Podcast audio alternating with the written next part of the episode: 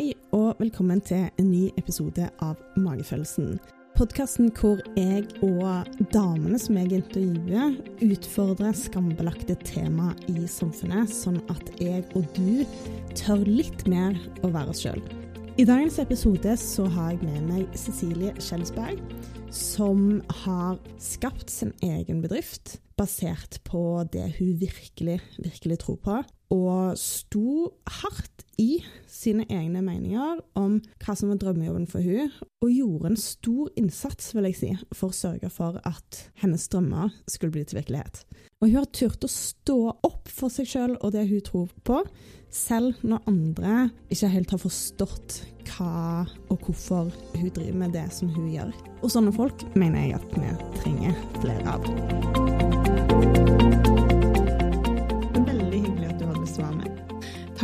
for at du spurte. ja. Du er en sånn person som tydeligvis får til ting. At du blir inspirert, der, og så tenker du dette her kan jeg gjøre noe med. Hvordan skjedde alt dette her, og hva var det som trykka liksom, sånn skikkelig på deg? Ja, det er gøy at du sier det, at jeg kanskje er en person som eh, får til ting. Jeg eh, har jo gjort mye, mm. liksom. Helt fra jeg var veldig ung, så, så har jeg jo vært Eh, bl.a. mye fysisk aktivitet. ikke sant? Mm. Var jo veldig opptatt av å få til ting spesielt sånn sammen med andre, mm. egentlig. Jeg eh, har jo hatt en sånn lang turnkarriere og var jo veldig opptatt av å på en måte eh, Ikke nødvendigvis vinne for meg selv, men vinne som et lag, da. Mm. Ja, så man trenger kanskje ikke mystify det noe mer enn at uh, det har jeg starta med i ganske ung alder. Hvor gammel var du da? Jeg har jo turna nesten hele livet på en måte siden uh, barneskolen. Og så var det jo uh, gjennom ungdomsåra mine. Da var det på en måte turn. Det var mm. turn jeg drev med. Litt gutter og venner og lekser. Mm. Men jeg vil nesten si jeg bodde på turnhallen. Liksom. Mm. Tror du det kan ha At du kan ha henta noe fra turnen og idretten inn i karrierelivet, eller tror du det var en drive som du har hatt naturlig? Liksom, ja, hva var den alene, liksom? Hva, hva var nøkkelen? Ja, nei, så jeg hadde jo en trener som eh, var eh, veldig opptatt av disiplin, da, for ja. å si det på den måten. Mm. Um, så det var jo veldig mange på, på turnlaget som ikke takla det rett og mm. slett. Å ta ordre og høre på. Var en, vi var 70 stykker på laget. Ja. Så vi var på en måte ikke Vi skinte ikke hver enkelt av oss. på en måte. Vi måtte ta hensyn til hverandre. Mm. Eh, og vi måtte tåle å få kjeft foran 70 andre jenter. Så definitivt, det her er ting jeg har tatt med meg videre. Både med forhold til å jobbe hardt, mm. men jeg har heller aldri fått noe gratis. Mm. Jeg har aldri bare fått gode karakterer uten å ha jobba for det. Mm. På turen så hadde vi på en måte stor og liten tropp. Ja. Um, og den lille troppen var den beste troppen. Mm. Hvis du var god nok, så fikk du være med på den lille troppen i konkurransene. Mm. Og jeg husker spesielt um, Jeg tok litt lengre tid før jeg klarte å komme på den beste troppen. Mm. Og måten jeg kom på den troppen på, det var uh, da jeg var sommeren til jeg ble 15 år. Mm. Da hadde alle de andre som var på den lille troppen, de ble ikke med på sommerkonkurransen. For de mm. hadde andre ting å gjøre. Men jeg tenkte sånn Ok, nå har jeg sjansen til å liksom hente det igjen, da. Så da ble jeg med på den eh, konkurransen i Frankrike. Ja. Og klarte å vise meg fram da, for treneren og jobbe skikkelig hardt. Og etter mm. sommeren da klarte jeg å komme med på liten tropp. Så det er ett eksempel av mm. mange på at liksom, jeg har måttet jobbe skikkelig hardt da, for, å, for å, få, få til ting. Ja. Vært veldig målbevisst. Mm, ja. Mm. Du kan si det sånn. Hvordan har du tatt med det videre? For det, det, er ikke turning du driver med nå? Nei, absolutt ikke. Um, det er et godt spørsmål, fordi jeg starta jo på ernæring etter uh, videregående. Mm. Og det var jo litt sånn Ja, jeg aner jo ikke hva jeg skal gjøre med livet mitt, på en måte. Jeg hadde jo eh, denne lidenskapen med likestilling helt fra jeg var egentlig 16 år. Mm. Men jeg følte jo ikke på at jeg var en sånn naturlig politikerperson. Mm. Og som 18-åring så tenkte jeg at det var det eneste du på en måte kunne jobbe som hvis du ville jobbe med likestilling. Mm. Så jeg endte opp med å starte på ernæring jo nettopp fordi jeg var opptatt av trening og idretten og ja, spise sunt, da.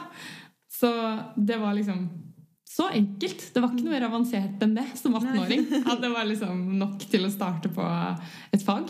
Men så hadde jeg jo vært allerede da litt i eh, utlandet. Jeg hadde vært litt i Afrika og med turn blant annet, og på en måte sett litt av verden.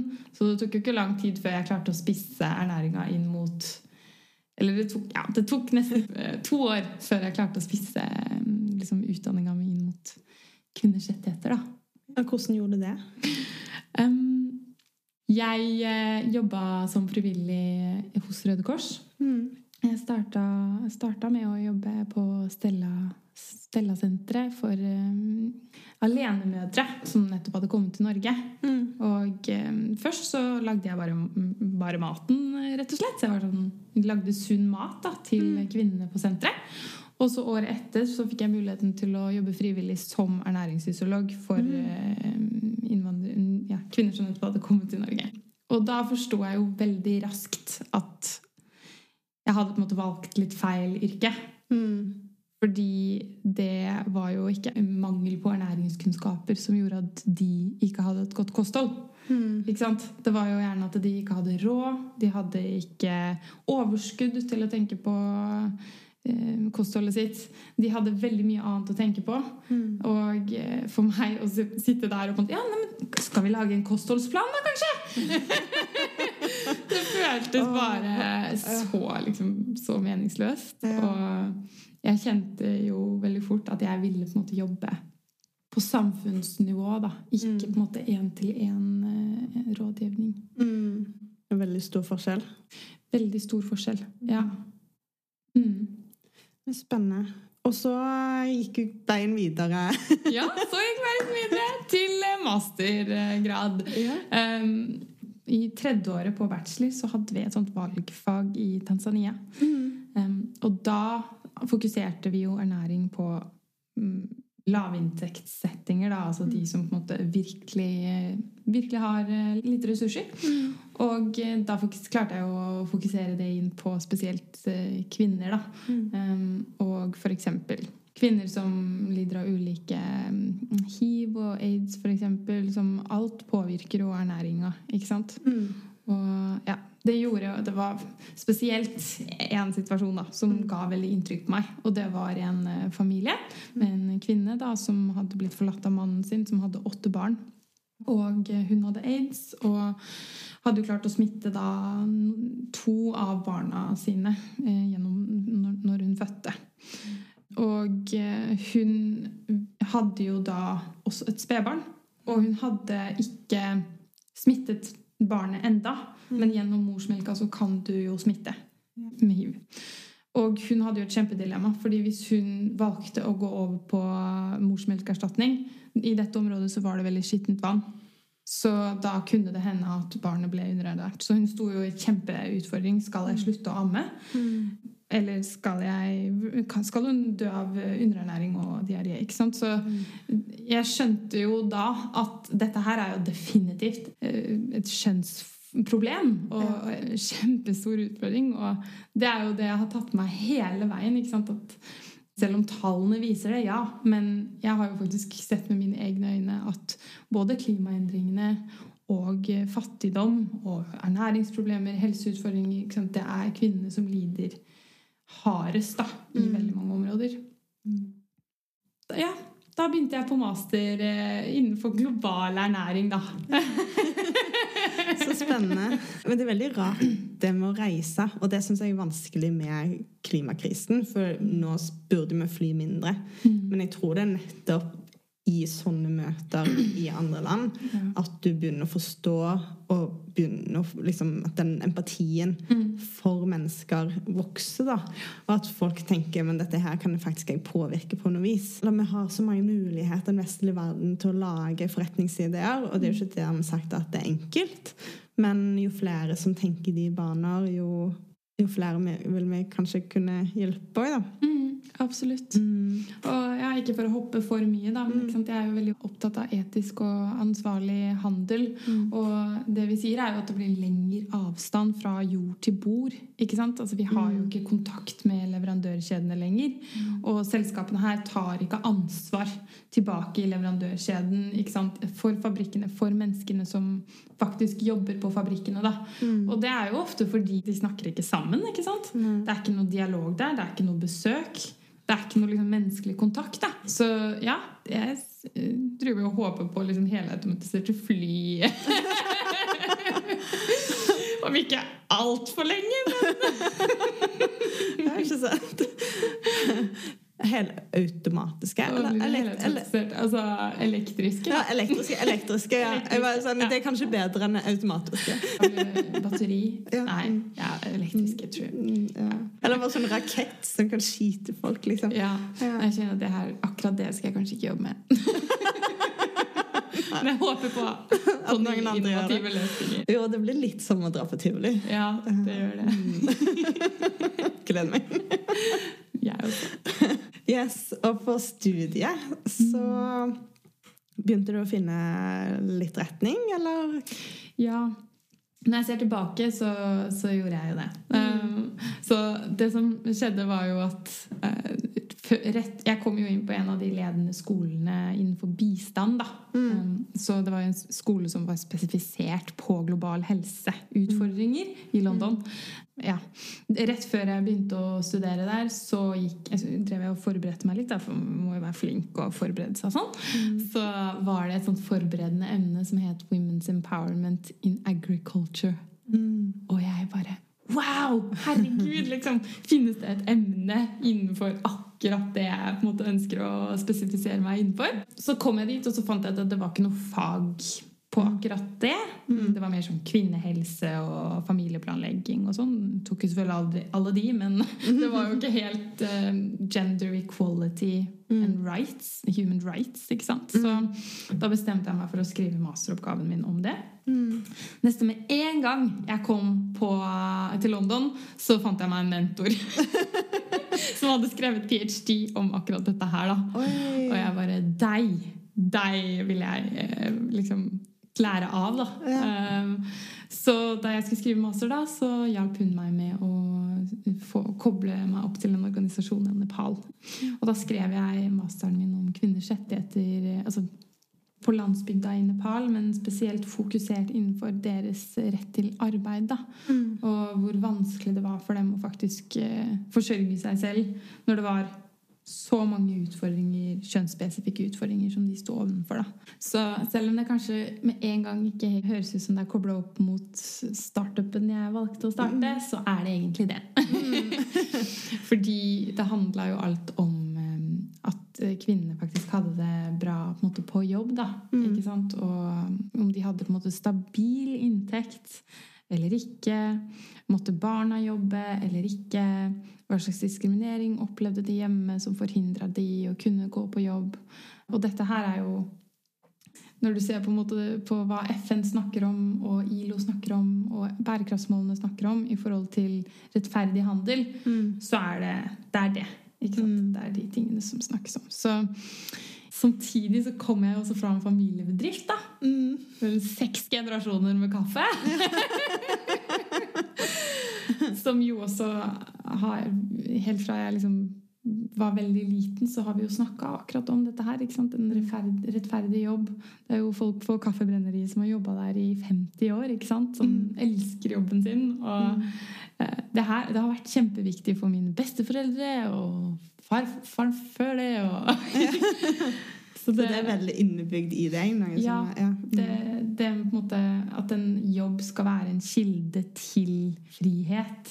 Og at det løfter deg opp og ikke trekker deg ned. Mm. Det, det er så veldig sånn ja, integrert i meg. Ja. Mm. Spennende. Tror du det har påvirka òg at familien har hatt en sånn kultur for å liksom jobbe, eller at, dere, at, du har lært noe hjemmefra? Eller eh, er det du som person? Hmm. Um, det, Eh, begge deler, Mm. vil jeg si. Ja. Fordi foreldra mine de er, har aldri vært veldig sånn ambisiøse. De har liksom hatt eh, ja, fine jobber og vært fornøyd med det. Og jeg ble jo definitivt vokst opp med i liksom, den kulturen i kjernefamilien. da. Mm. At eh, ja, vi, er, vi elsker deg eh, uansett hva du gjør, om du jobber i barnehage eller eh, hva enn det nå er. Mm. Eh, saken er jo at jeg var ikke sånn. Så de oppdro jo meg til å virkelig bare Jeg kunne være fornøyd med, med hva, på en måte, veien det nå var. Men jeg hadde jo på en måte store, store drømmer, da.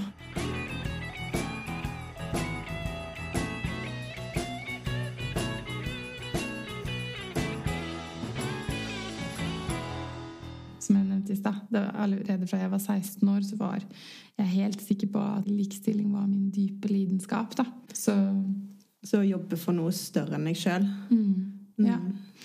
Og spesielt da når det kom til um, det at alle føler seg inkludert. da. Mm. Det å leve i en verden der eh, ikke alle har liksom de samme mulighetene, det, det var veldig vanskelig for meg å forholde meg til. Ja. Nei, men det, det skjønner jeg godt. Det, rettferdighet er min sterkeste verdi. Ja. Jeg har bare aldri helt skjønt hvordan verden fungerer sånn som den fungerer. Nei. Og det gjør meg fremdeles vondt. Mm. Og så hjelper det da mye å iallfall prøve å endre den litt. Ja, jeg er helt enig. og, ja, jobbe veldig med å være et bedre menneske òg, for å liksom Mm. heie folk opp. Det er så små ting som kan ja, gjøre verden bedre. Ja. ja, Min er inkludering, da. Mm. Så absolutt. Inkludering, ja. Ja. Den er veldig høyt oppe hos meg òg. Mm, Men det har jeg ikke tenkt på som en verdi, Nei, egentlig. det er det. Jeg så det på den lista da jeg drev og mappa ut verdiene mine. Å, den, den burde jeg kanskje inkludere. Ja, Mm. jeg tror jo um, for mange av eh, oss som har på en måte følt på utenforskap, så Mm. står spesielt den verdien veldig sterkt. Ja, det er noe som er veldig viktig for meg. Sånn, jeg Mm. husker tidligere i livet når jenter sto i sånne gjenger, Ja. Og så skulle liksom holde noen utenfor, så var jeg alltid den som åpna. Mm. Og liksom sørge for at folk kunne komme inn. Ja. Og så liksom bare Ja, oh. altså Jeg også var gjerne liksom, Hvis det var liksom sånn kamp mellom eh, jentene, så sto jeg gjerne sånn i midten og bare sånn Iva. Litt sånn Jeg vet ikke hvilken hva Ja. Det er det som motiverer meg litt til å lage denne podkasten òg. For å få kvinner til å heie mer på hverandre. Mm. Og tenke mer sånn La oss gjøre hverandre gode og inkludere inn. Mm. Jeg vet ikke helt hvorfor det har blitt sånn. jeg. Nei. Godt spørsmål. Vet du hvor det kommer fra? Har du opplevd i barndommen eller i løpet av livet at utenforskap og inkludering på en måte har blitt utfordra i deg? Ja, det vil jeg absolutt uh, si. Um, For det er jo en grunn for at jeg ikke eh, sier liksom at rettferdighet er min verdi, men jeg heller sier inkludering. ikke sant? Fordi jeg føler at det er noe jeg kjenner meg så igjen i. Jeg tror verdiene som virkelig er deg, er jo de du kan liksom kjenne og føle på. Sånn inni deg det bare sånn kribler, ikke sant? Eller blir skapt masse sinne eller, sinne eller engasjement? Ja, sinne eller engasjement. Ja, det er akkurat det. Ja. Uh, og ja, spesielt uh, i, i barndommen min så følte jeg veldig sterkt eh, på det med utenforskap. Og det var veldig mye konflikter og drama. Og eh, ja, jeg eh, vil jo ikke liksom legge noen under for bussen, og de husker det sikkert helt annerledes enn Ja. sånn jeg husker det. Men spesielt én hendelse som har forma meg utrolig sterkt, og som fortsatt er med meg i dag, det var da jeg var 15 år. Fordi da var vi på en eh, klassetur.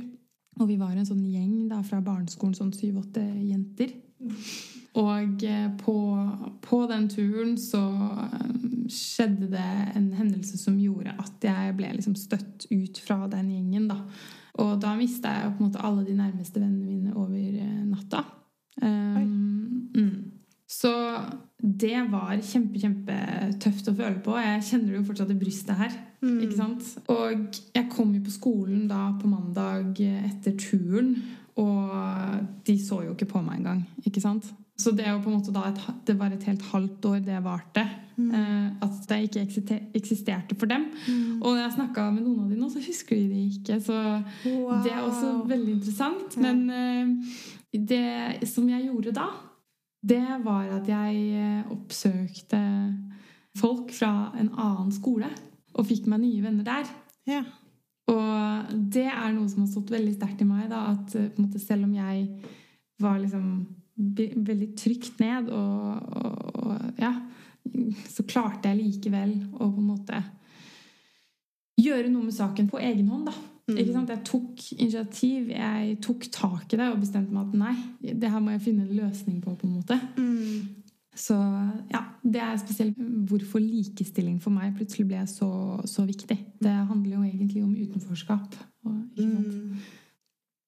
Ja, det, det er rart hvordan Altså, det er sikkert noe som har vært i deg alltid, men, eh, men allikevel at det da har blitt trigga fram på noe vis. Ja. Og så utrolig tøft å gå til en annen skole, for jeg tror veldig mange hadde tenkt og kanskje bare liksom isolert seg og, og tenkt at de har rett. Men da lot du jo kanskje ikke egentlig de få rett, men tenkte at dette her er ikke ja, rettferdig. da. Det, De behandler deg dårlig, og det fortjener ikke du. Ja. Jeg tror jo det, jo det som er så interessant for mange lidenskaper, er jo bunna i en trigger, eller en traume. Ikke sant? Fordi det er jo liksom to måter da, å deale med en sånn hendelse på. ikke sant? Enten så trekker du deg veldig inn i deg selv, og du kanskje får liksom veldig mye utfordringer med depresjon og angst. og Det er jo noen kanskje mer sånn ja, noen mennesker som hvor det blir mer en naturlig reaksjon. da. Og så har du andre mennesker som vil liksom være mer utadgående og prøve å finne da det du trenger liksom et annet sted. Så, så det, det var jo det jeg gjorde. Så du, ja, du tenkte dette her kan løses. Ja. På en eller annen måte. Og jeg har jo alltid liksom vært veldig menneskesøkende, da. Ikke sant? Jeg er jo veldig, veldig glad i mennesker. Så, så det også hjelper jo.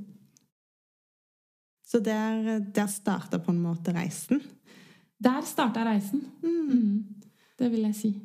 Og det tente jo kanskje en gnist i deg òg når du fant ut at å, men her var det en løsning. Jeg kunne gå på noen skole og finne venner.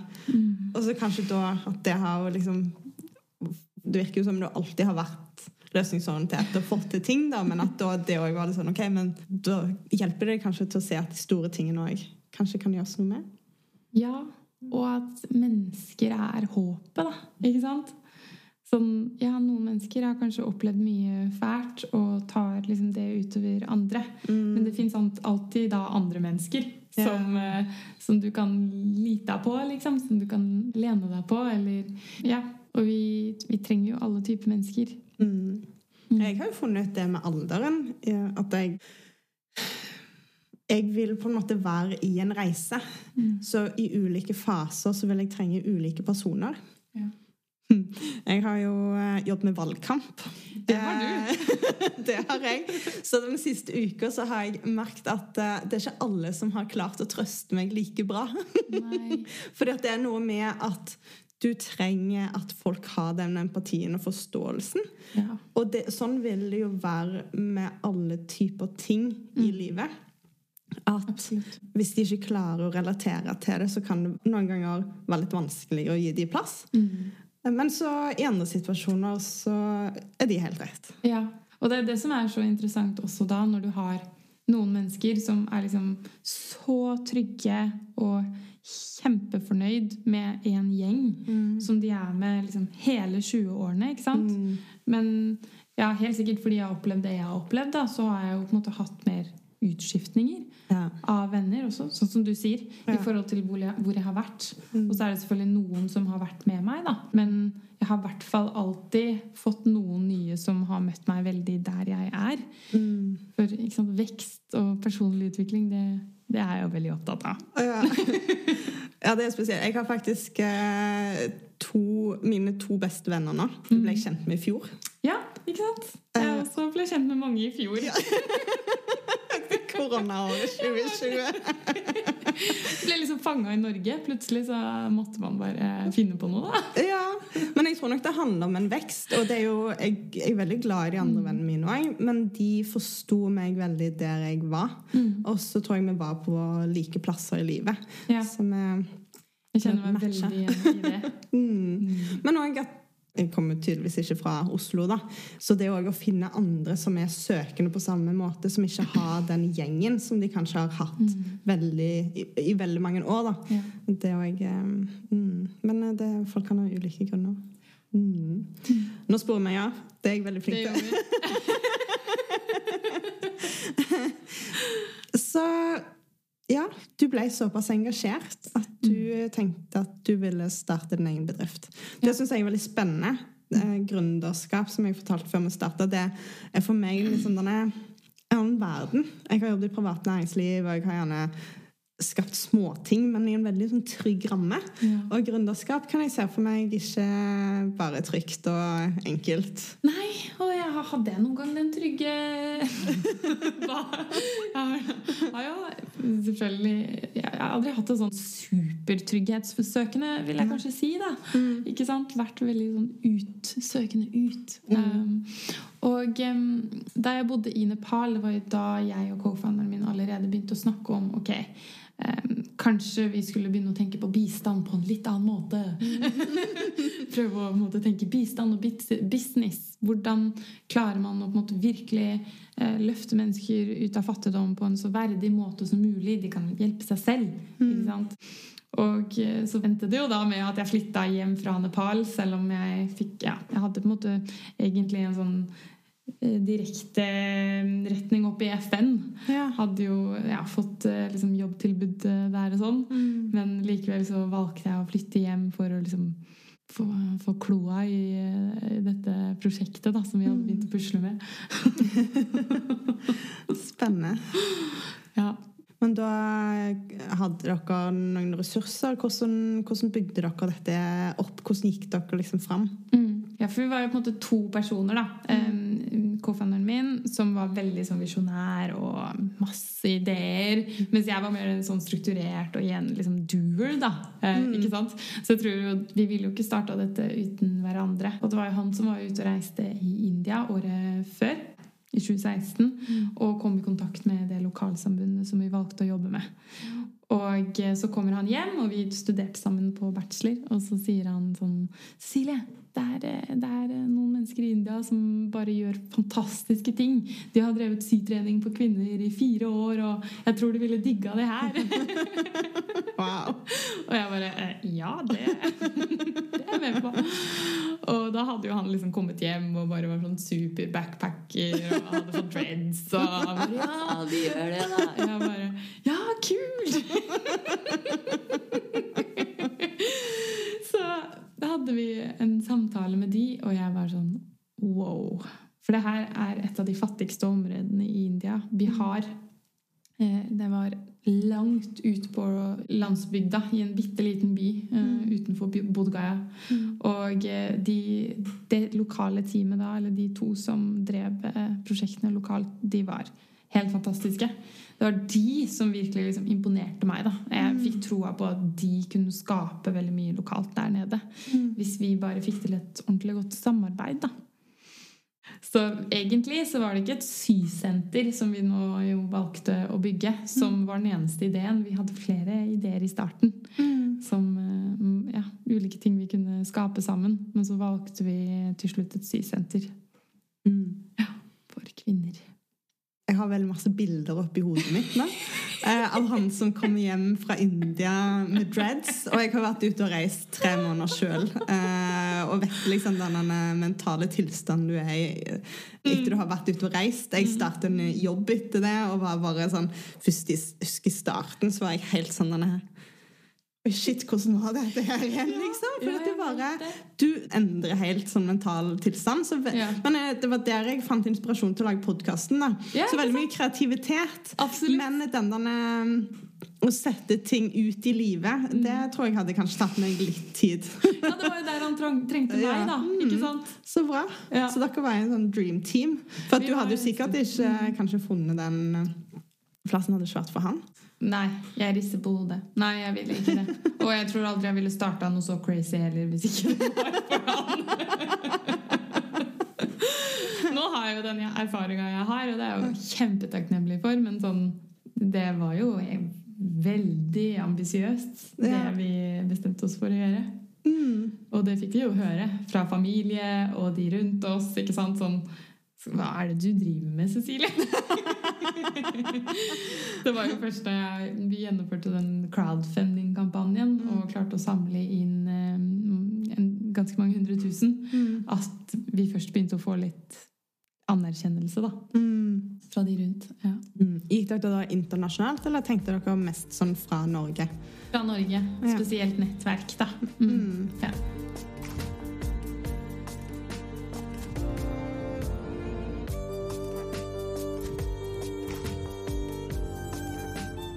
Dere var ikke så heldige gjennom korona, men hva er det du tar ut av erfaringen din? Hva, er liksom, hva har du lært? Hva var det beste med det?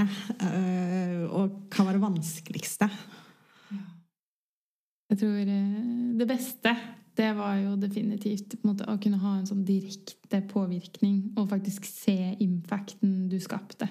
Vi skapte jo arbeid for kvinner som aldri hadde hatt en jobb før. Så den type liksom, sterke påvirkningen det hadde på deres liv, fra å liksom aldri ha hatt en inntekt til å kunne forsørge barna sine eller forsørge seg selv, ta en utdanning det å besøke de og faktisk liksom se at de endra seg, da. Altså de ble myndiggjort, liksom. De ble mer utadgående, og de snakka mer. Altså det å faktisk kunne se hva du skaper så veldig direkte. Ja. Altså det var jo definitivt eh, Hvordan fikk dere til det? mm. Altså, vi eh, bygde jo et sisenter, da! og, eh, og så hadde vi jo da en, eh, en sylærer, en kvinnelig sylærer, eh, som hadde sin egen lille skredderi i byen, da, eh, som lå litt borte. Og hun var den eneste kvinnen som hadde sånn sy-skredderibedrift i den byen. Så jeg tror at hun var sylæreren var sånn nøkkel, fordi hun inspirerte jo de andre damene så mye. Eh, og jeg og teamet der nede, han som var liksom daglig leder av sysenteret, og hun som var sylæreren, vi fikk eh, veldig god relasjon. da. Så de fikk veldig tillit til meg, og jeg fikk veldig mye tillit til de. Så da klarte vi på en måte å skape veldig mye sammen. Og jeg satt jo her i Norge og tok imot eh, de produktene som de sydde. ikke sant? Og klarte jo å selge det, da. Siden, ja, mye gjennom å snakke om det jeg driver meg om, egentlig. Ja. Det var jo på en måte Jeg klarte jo å selge nesten 3000 produkter til slutt. 3500 på liksom ett og et halvt år. Og det var jo rett og slett bare ved å fortelle hva vi hadde gjort, liksom. Og hvor eh, viktig det er at arbeidsforholdene er gode når eh, varer blir produsert. da, ikke sant? Ja. Det også gjorde at jeg fikk troen på altså selvfølgelig liksom større selvtillit òg. At jeg liksom skjønner litt mer på mine styrker. Hva jeg er god på, hva jeg ikke er så god på. Ja. Det er noen ganger en vond erfaring. Mm, ja, Ja. det er det. Men òg veldig nyttig å egentlig kjenne til svakhetene. Mm, Sånn at du kan lene deg på andre, kanskje. ja. Og definitivt det som eh, jeg syns var kjempe, kjempevanskelig, eh, var jo da korona kom. Fordi det gikk ganske bra. Vi var liksom i en god flow og hadde nettopp fått en ny co-founder, og ting gikk kjempebra. Og så eh, kom korona, og da måtte sysenteret stenge, og vi mista markedet vårt. Og jeg mistet den nye co-founderen, for hun ville finne en annen jobb. En mer tryggere jobb. Og jeg var satt her hjemme i denne leiligheten vi er nå, i eh, nesten et år. Um, og det er jo da også så utrolig merkelig at liksom akkurat i den perioden, når liksom ting var som vanskeligst, det var da jeg skulle bli nominert til DN eh, 30 under 30 lederstjerne. og, og da skal du på en måte stå der eh, sant, og snakke om hvordan alt går så bra, og liksom Ja da! Så jeg prøvde jo eh, Altså, det var eh, virkelig en, en tøff periode. Men var du ærlig, eller? Ja, jeg var Jeg snakka jo ikke Nei, jeg sa alt går så bra. Det var ikke akkurat det jeg sa. Jeg fortalte om eh, historien vår, reisen vår, og hvordan situasjonen var sånn nå, osv. Det var jo sånn for mange andre startups òg. Mm. Men det å selv liksom føle på at sysenteret er stengt, da det er ikke Vi skaper på en måte ikke impact i India akkurat nå. Og det, det føles veldig rart å da skulle stå der og, og på en måte være en ledestjerne eller noe sånt. Året før hadde jo vært mye bedre. ja. Nei, hvor, altså, det er så mange sånne utrolig fantastiske mennesker som har bygd opp unike ting. Som kan høres veldig lite ut. Mm. Men når du ser det, så betyr det så mye. Bare det å kunne endre livet til liksom et knippe mennesker, liksom. Det, det har mye å si. ja. Det har mye å si. Så tror jeg ikke nødvendigvis at det er i stor skala alltid at de gode initiativene skjer, men at vi trenger veldig mange sånn små initiativ som kan blomstre og vokse seg store. Ja, ja, absolutt. Det var ikke lett å, og, på en måte bestemme meg for å legge det ned, eller ja, stoppe produksjonen, i hvert fall, i januar. Men eh, jeg tror eh, sikkert mange andre har opplevd det samme, den derre sorgen og ekstreme forvirringen etterpå. Det er veldig, veldig vondt, og alle spør, selvfølgelig. og, og den litt sånn identitetskrisa, på en måte. Sånn hvem, hvem er jeg uten Mm. Det var veldig rart. Hvordan har du kommet deg gjennom, da? For nå, nå har du funnet en annen retning, og livet smiler litt igjen. Ja, jeg eh, altså, Det var egentlig Med en gang så visste jeg jo eh, egentlig hva jeg ville jobbe med. Jeg ville jobbe med ansvarlige leverandørkjeder og etisk handel. Um, og så visste jeg at det var mye som kom til å skje framover nå. EU hadde jo gått ut eh, og eh, lagt fram mye forventninger forventninger til eh, bedrifter når det kommer til å ha kontroll over menneskerettigheter i leverandørkjeden. Det var en ny norsk lov som holdt på å bli vedtatt. Menneske, menneskerettighetslov, åpenhetsloven. Og jeg følte at jeg hadde lyst til å være med og på en måte forme den nye standarden da, når det kommer til ansvarlig forretningsstyring. Ikke sant? Altså, hvordan er det bedriften bedriftene skal klare å ta ansvar da? tilbake i leverandørkjeden? Det er jo kjempevanskelig. Ikke sant? Og det er jo nå vi skaper det. Så det å være med på det i den utformingsfasen, det tenkte jeg det er det jeg ville. Og da jeg begynte å søke jobber, eh, så søkte ikke jeg på hva som helst. Nei. det kan jeg se for meg. Jeg bare nådde ut til nettverket mitt og sa sånn Dette er det jeg vil jobbe med. Er det noen som vet liksom om Og ja, til slutt så var det en av de store konsulenthusene som kapra meg, da. Og eh, ja, nå jobber jeg jo da med å faktisk bygge ut et nytt fokusområde på menneskerettigheter og likestilling hos Ernst Young. eh, Innenfor da spesielt leverandørkjedefokus, da. Ikke sant? Så jeg jobber med akkurat det jeg hadde bestemt meg for å, å jobbe med. Så ja. Jeg syns også det er veldig kult at store konsulenthus Altså, du har jo folk fra NHH og unge businessfolk da, som har drømt om å jobbe i Ernst Young hele livet. Eller i hvert fall fra de var kjempeunge. Drømte om å gå på NHO, drømte om å jobbe der. Likevel så kommer du inn selv om Og til og med som gründer, da. Ikke sant? Du, som gründer så kommer du på en måte til og med foran i køen med de som har en, en forretningsgrad. Ja. Og det, det syns jeg er veldig kult. Ja. Og det syns jeg Det er ikke så veldig norsk. Veldig mange i Norge tiltrekkes de som er like. Og det ser du i veldig mange avdelinger i organisasjoner, at det er veldig mange som er veldig like. Ja. Og det er jo en stor styrke Mm, å hente inn folk med ulik erfaring. Og absolutt. du har jo en veldig relevant erfaring. Si. Men de, saken er jo at det var jeg som måtte argumentere for at de skulle jobbe med dette nå. Ja, wow!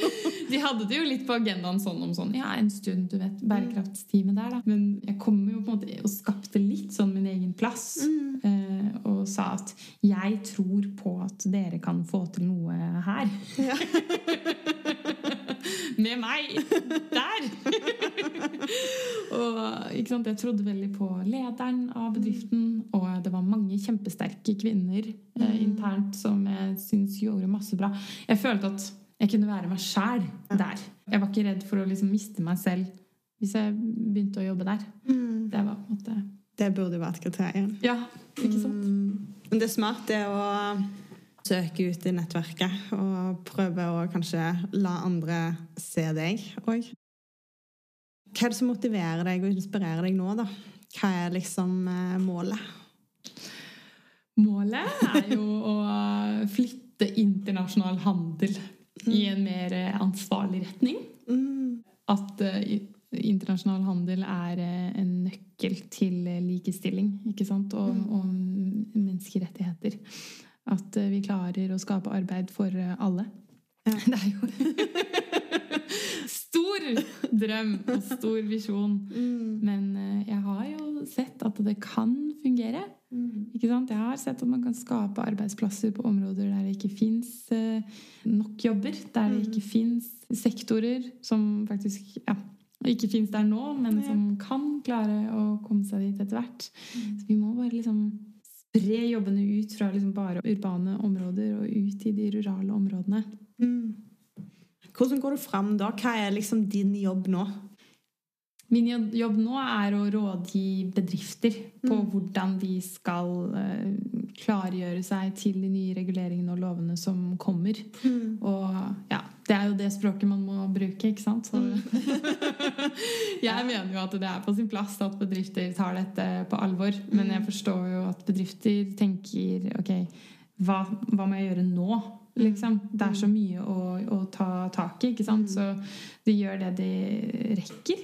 De må starte en plass. de må starte en plass, og, og da må de jo tenke på reguleringene som, som er der. Og nå gjelder det å på en måte klargjøre seg for åpenhetsloven, hvor da faktisk selskapet blir pliktige til å rapportere på menneskerettighetsbrudd i verdikjeden. Det er en ny likestillingslov, aktivitets- og redegjørelsesplikten, som gjør at selskapet må ta aktive grep innenfor likestilling og mangfold.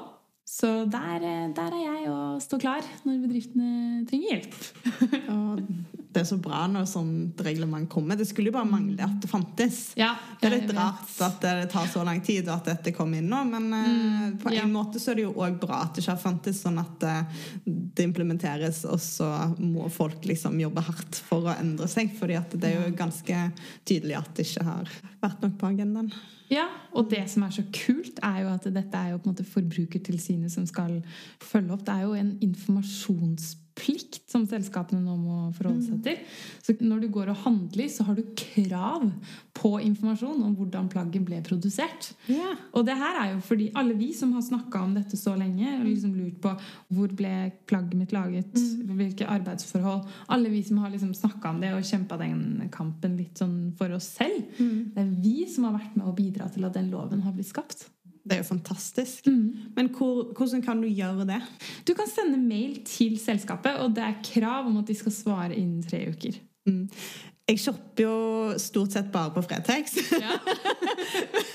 Men kanskje jeg burde bare gå innom butikker og kjøpe ting og liksom levere tilbake. Bare for å pushe liksom næringskjeder. Det hadde vært så gøy! Ja, du må i hvert fall prøve det noen ganger. Eller ja, en gang. Ja, men eh, altså, jeg kjenner ganske mange som, eh, som jeg tror kunne vært med på dette prosjektet. Ja, det skal sies at det er litt større selskaper, da. Så, altså, ikke alle selskaper, men eh, hvis det kommer opp i en viss størrelse, Ja, det er vel ofte litt sånn med rapportering. Mm. Nei, men det er kjempekult. Og det starter gjerne med det store, og Det så går det videre til Ja, små. det er de som kommer til å bli sjekka opp først, ja. Mm. Men det er jo kanskje de som er verst òg. Det er de som har størst påvirkning, ja. Mm. Flest muligheter Ja. for forbedring. Det er deilige ord.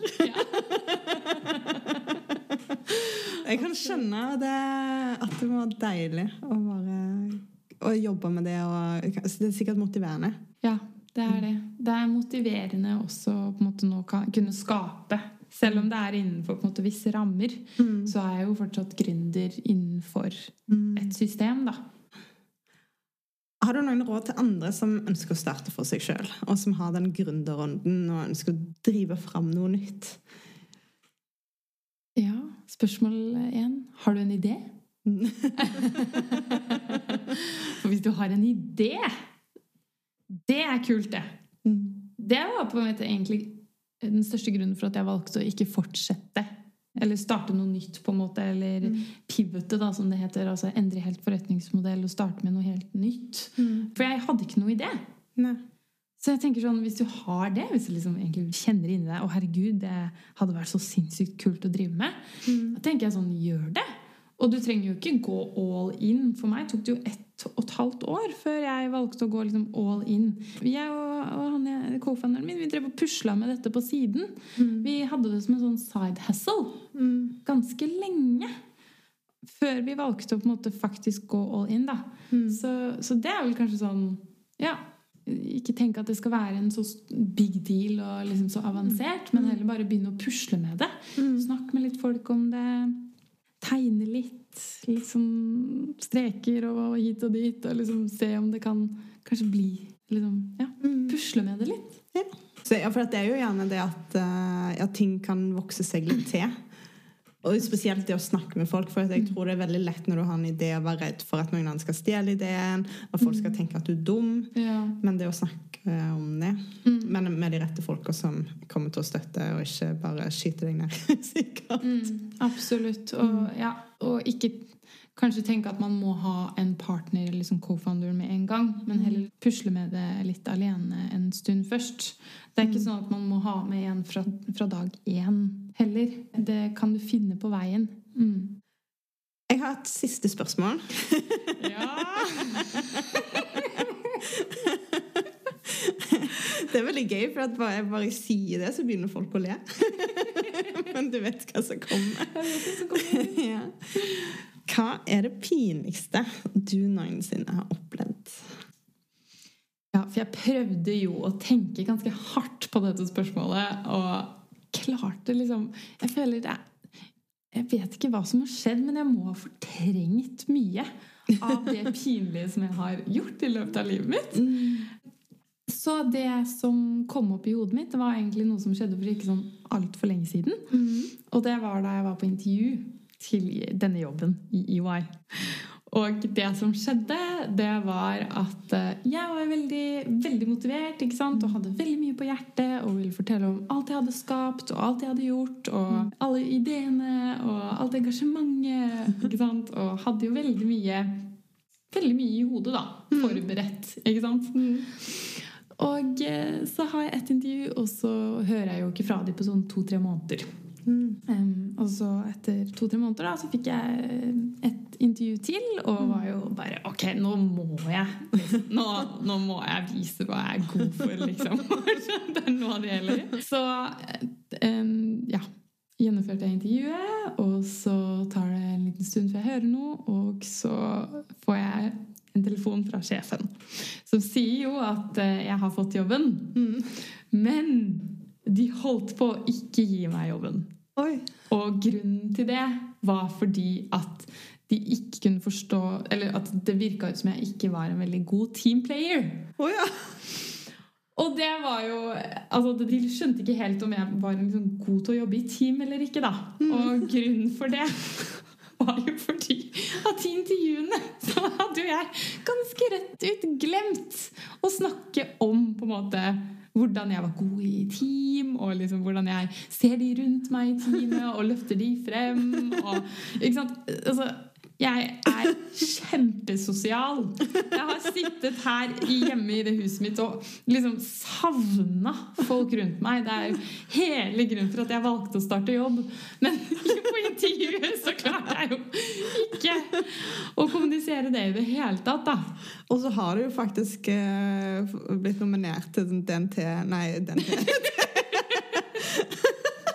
DNs lederstjerne. Ja. Og jeg, jeg mistenker at det er ikke så mange uh, som blir nominert der, som ikke er flinke med mennesker. Eller?